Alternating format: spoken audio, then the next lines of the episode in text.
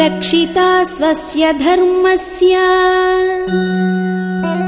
स्वजनस्य च रक्षिता वेदवेदाङ्गतत्त्वज्ञो धनुर्वेदे च निष्ठितः।